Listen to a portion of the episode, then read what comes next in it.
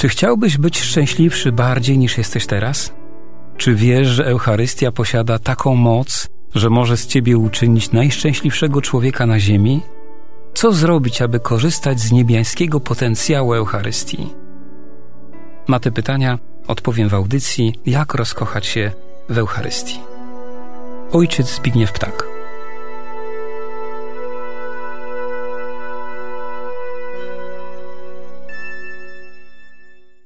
Jak zawsze przed naszymi rozważaniami na temat mszy świętej pomodlimy się. Wiemy o tym doskonale, że Eucharystia jest tajemnicą naszej wiary. I to bardzo wielką tajemnicą. Dlatego zanim będziemy nad nią pochylać się, to poprośmy o pokorę, o ufność, o otwartość serca na działanie Ducha Świętego. Módlmy się więc. Ojcze Wszechmogący, ofiaruję Ci krew Jezusa Chrystusa, krew wszystkich męczenników, cnoty i zasługi Jezusa, Maryi, Józefa i wszystkich świętych, w połączeniu ze wszystkimi mszami świętymi do tej pory sprawowanymi i tymi, które do końca dziejów będą sprawowane, w intencji naszego rozmiłowania się w Eucharystii, w intencji naszego głodu Eucharystii i w intencji zadziwienia się Eucharystią. Podaruj nam, Panie, pokorny umysł i ufne serce na czas tych rozważań. Amen. Niech Was błogosławi Bóg Wszechmogący, Ojciec i Syn i Duch Święty. Amen. Przed tygodniem w ostatniej audycji mówiliśmy o przygotowaniu bliższym i bezpośrednim do Najświętszej Ofiary. Powiedzieliśmy, że bardzo dużo w dziedzinie owocności liturgii zależy od naszego wewnętrznego nastawienia. Ono niejednokrotnie jest decydujące, dlatego warto o nie maksymalnie zadbać. Dzisiaj jeszcze i na ten temat powiemy kilka słów. Msza święta składa się z wielu elementów zewnętrznych i wewnętrznych. Te zewnętrzne mają nas prowadzić do wewnętrznych. Najbardziej to widać na przykład podczas konsekracji. Kapłan, Jezus, wypowiada święte słowa nad chlebem, później nad winem. Wiemy, że chleb zamienia się w tym czasie w ciało Boga, a wino w krew Boga. Jednak zewnętrznie nic w tych postaciach chleba i wina się nie zmienia. Dalej na zewnątrz chleb jest chlebem, a wino winem. Wewnętrznie zaś wszystko się zmienia. Dlatego warto pochylać się nad tym, co wewnętrzne, gdyż tu jest istota rzeczywistości, która się rozgrywa. Z naszym udziałem w Najświętszej ofierze jest bardzo podobnie. Nasze wewnętrzne zaangażowanie rodzi owoce udziału w liturgii. Dlatego będziemy dużo mówić na temat wewnętrznej naszej postawy podczas poszczególnych części Eucharystii. Siostra Emanuela z Medjugorje w swojej książce o mszy świętej pisze o dwóch nieszczęśliwych miłościach, które spotykają się w Eucharystii. Jedna jest miłością Boga, który zakochał się w człowieku, obdarowuje go niewyobrażalnymi darami, wywyższa go na niespotykane wyżyny i kocha szaloną wprost miłością. Ta boska miłość w Eucharystii przekracza wszelkie oczekiwania, pragnienia i marzenia człowieka. Bóg ją w tak niesłychany, intymny i czuły sposób wyraża, że można od niej dostać niemalże zawrotów głowy. Miłość Boga do człowieka jest nieszczęśliwa dlatego, że człowiek nie potrafi na nią odpowiedzieć. Druga nieszczęśliwa miłość w Eucharystii to miłość człowieka. Jest on nieszczęśliwy w swej miłości, bo pociąga go to, co go niszczy, czyli grzech. Pociąga go miłość do świata, która jest wielkim oszustwem demona. Ta pseudomiłość jest atrakcyjnie zapakowana, bardzo powabna, ale niestety wyniszczająca człowieka. Taką miłość posiada czasem człowiek, kiedy przychodzi na mszę świętą i często nawet nie wie, że jest nieszczęśliwy w swojej miłości. W Eucharystii spotyka się z wieczną, nieskończoną, bezinteresowną, a przede wszystkim boską miłością. Trudno jest mu uwierzyć, że on, grzesznik tego świata, słaby i poobijany przez grzech, może być tak kochany. Dwie nieszczęśliwe miłości spotykają się przy stole. Człowiek zewnętrznie korzysta z tej miłości, wchodzi w nią, zewnętrznie odpowiada na nią, a później wchodzi w swoją codzienność i niejednokrotnie nie wie, co uczynić z tą boską miłością, którą otrzymał w Eucharystii. Jeszcze jedna piękna intuicja, którą wyraził jeden z największych współczesnych charyzmatyków Kościoła katolickiego, Daniel Ange, francuski dominikanin. Ów wielki ewangelizator potraktował całe życie Jezusa jako mszę świętą w pięknym maryjnym kontekście. Ojciec Daniel Ange pisze tak. Nazaret, 25 marca, 2000 lat temu. Wysłannik króla wkracza do ubogiego mieszkania. Zaskakuje Miriam, która modląc się przygotowuje chleb szabatowy. Miriam, sam Bóg posyła mnie, aby ci powiedzieć, abym mógł cierpieć i umrzeć, potrzebne jest mi ciało. Aby uzdrawiać chorych i przygarniać dzieci, potrzebne są mi dłonie i ramiona. Potrzebne mi są także po to, abym mógł je pewnego dnia rozłożyć na krzyżu. Aby oświecić ludzkość z nieba, potrzebne są mi oczy. Abym mógł kochać bez granic, potrzebne jest mi serce. Aby ludzie mogli mnie widzieć, potrzebna jest mi twarz. Miriam, czy chcesz dać mi swoje ciało, abym mógł nim nakarmić cały świat? Swoją krew, abym mógł dzięki niej przemienić wszechświat? Miriam zaś odpowiada drżąca: Oto moje ciało, które ci powierzam, oto moja krew, która zostanie przelana, aby dać ci życie. Moje ciało należy do ciebie, moje serce jest bez reszty twoje.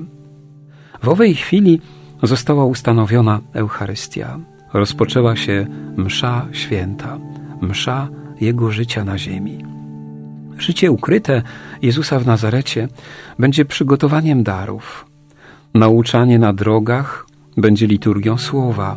Wjazd do Jerozolimy będzie procesją z darami. Męka będzie konsekracją.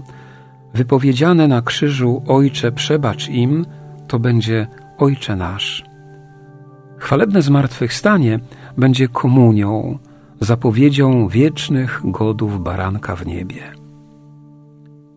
Ojciec Daniel Ange bardzo głęboko, a nawet mistycznie spojrzał na życie Jezusa w perspektywie Eucharystii. Wszystko w nim stało się jakby Eucharystią. Wiemy jednak, że Msza Święta to nie tylko wydarzenia z życia Pana Jezusa.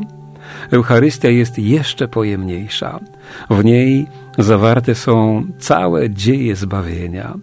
To wszystko, co opisują biblijne natchnione księgi, począwszy od księgi rodzaju, a skończywszy na Apokalipsie. Wszystko, co działo się na przestrzeni całej historii zbawienia. W jakiś niepojęty dla nas sposób zostało jakby wlane do Najświętszej ofiary, zostało do niej niejako przeszczepione. I w niej człowiek może przebywać z tym, co było, z tym, co jest, a nawet z tym, co będzie. W tej boskiej liturgii jest obecny również Kościół chwalebny, ten z przyszłości. I to właśnie jest jednym z cudów tego eucharystycznego wydarzenia. Jednak, aby się w nim rozsmakować, upajać, maksymalnie korzystać zeń, człowiek musi być zaopatrzony w dwa dary. Podobnie jak ze wzrokiem i słuchem. Aby widzieć, muszę mieć oczy, aby słyszeć, muszę mieć uszy. Co jest tym duchowym wzrokiem i duchowym słuchem koniecznym podczas udziału we mszy świętej? Święty Tomasz z Akwinu, który jako jedyny w historii Kościoła otrzymał tytuł doktora anielskiego, mówi, że uczestnicząc we mszy świętej muszę posiadać wiarę i miłość. Dary te są bezwzględnie konieczne podczas naszego udziału w liturgii. One właśnie stanowią ten duchowy wzrok i duchowy słuch. Bez nich człowiek nic nie pojmuje z niezgłębionego i boskiego bogactwa świętej liturgii. Im głębsza wiara i żarliwsza miłość, tym więcej człowiek skorzysta ze spotkania ze świętością. Ta świętość ukrywa się w Eucharystii pod zasłoną znaków, symboli, gestów i słów oraz domaga się naszej wewnętrznej postawy. Nasze dążenie do Boga prosto i zrozumiale opisywane jest między innymi w postaci trzech etapów. Pierwszy z nich to droga oczyszczająca, drugi to droga oświecająca, a trzecim etapem jest droga jednocząca. Etapy te są zawarte jakby w pigułce w każdej mszy świętej. Obrzędy wstępne Eucharystii to droga oczyszczenia do Boga. Liturgia słowa to droga oświecająca do Boga. Liturgia eucharystyczna to droga jednoczenia się z Bogiem. Święty Augustyn i święty Bernard mówili natomiast o drodze do Boga tylko w odniesieniu do jednej cnoty i to tej najważniejszej, czyli miłości. Dla nich droga człowieka do Boga przebiega również w trzech etapach. Najpierw mówią o miłości początkujących, później o miłości postępujących, a na końcu opisują miłość dojrzałych i doskonałych. Gdy spojrzymy na mszę świętą, to z łatwością dostrzeżemy w niej te same elementy. Eucharystia to czysta miłość. Jest w niej najpierw ukryty element dla początkujących, czyli obrzędy wstępne. Kolejny rodzaj miłości to liturgia słowa. Ona jest jakby dla postępujących. I na koniec odkrywamy zachętę do miłości dojrzałej i doskonałej w postaci Komunii Świętej. Na koniec różnych spojrzeń na liturgię eucharystyczną w kontekście duchowego rozwoju człowieka można dotknąć jeszcze tego, co Pan Bóg uczynił w życiu świętej Tereski od dzieciątka Jezus. Przeprowadził ją przez tak zwaną drogę dzieciństwa duchowego. Droga ta zrewolucjonizowała życie duchowe w Kościele. Przyglądając się Eucharystii w tym kluczu, z łatwością dostrzeżemy w niej i to ważne spojrzenie – Droga dzieciństwa duchowego to mała droga uniżenia i ufności przed Bogiem. Nie ma możliwości, aby owocnie uczestniczyć we mszy świętej, jeśli nie uniżymy się przed Jego majestatem. Przychodzi On do człowieka w postaci czystej boskiej pokory. Tu w liturgii uniżenie Boga dochodzi do takiego poziomu, że nie można go opisać żadnymi naszymi ziemskimi słowami. Jeśli człowiek pragnie choć trochę otrzeć się o tę boskość, to droga dzieciństwa, którą proponuje święta Tereska od dzieciątka Jezus, wydaje się, że jest jedną z najdoskonalszych dróg. Uniżenie człowieka jest tu odpowiedzią na niepojęte uniżenie Boga. To jest doskonała droga do poznania Boga w Jego niewyobrażalnej miłości, którą nam przekazuje w Eucharystii. Cały czas Mówimy zatem o wewnętrznej postawie człowieka, który uczestniczy w liturgii. Liturgię tę nazywamy boską liturgią. Dlaczego? Dlatego, że sprawuje ją przede wszystkim Jezus Chrystus, który jest naszym Bogiem. Liturgia ta jest boska również dlatego, że dotyczy najważniejszej rzeczywistości świata duchowego rzeczywistości, czyli osoby Jezusa Chrystusa. Na Jego chwałę jest sprawowana. Boskość tej liturgii Dostrzec można również i w tym, że człowiek jest zaproszony przez Boga do przemiany. To Bóg pragnie człowieka niejako przemienić w siebie. Cały ten ogrom niewyobrażalnych łask, bliskości Boga, cudów nad cudami, dostępny jest dla nas na miarę wewnętrznego usposobienia, przygotowania i zaangażowania. Nie od Boga zależy, ile bogactwa mszy świętej wniesiemy w naszą codzienność, a tym bardziej na ile Eucharystia nas przemieni. Tym bardziej nie od księdza zależy to, zależy to przede wszystkim ode mnie, czyli od mojej wewnętrznej postawy, od mojej świadomości, od mojego głodu Eucharystii. I o tym mówiliśmy cały czas do tej pory w naszych rozważaniach. W postawę wewnętrzną warto więc maksymalnie inwestować. Za tydzień już mówić będziemy o konkretnych elementach mszy świętej. Na koniec wszystkich błogosławię w imię Ojca i Syna i Ducha Świętego. Amen. Czy chciałbyś być szczęśliwszy bardziej niż jesteś teraz? Czy wiesz, że Eucharystia posiada taką moc, że może z ciebie uczynić najszczęśliwszego człowieka na ziemi? Co zrobić, aby korzystać z niebiańskiego potencjału Eucharystii? Na te pytania odpowiem w audycji Jak rozkochać się w Eucharystii. Ojciec Zbigniew Ptak.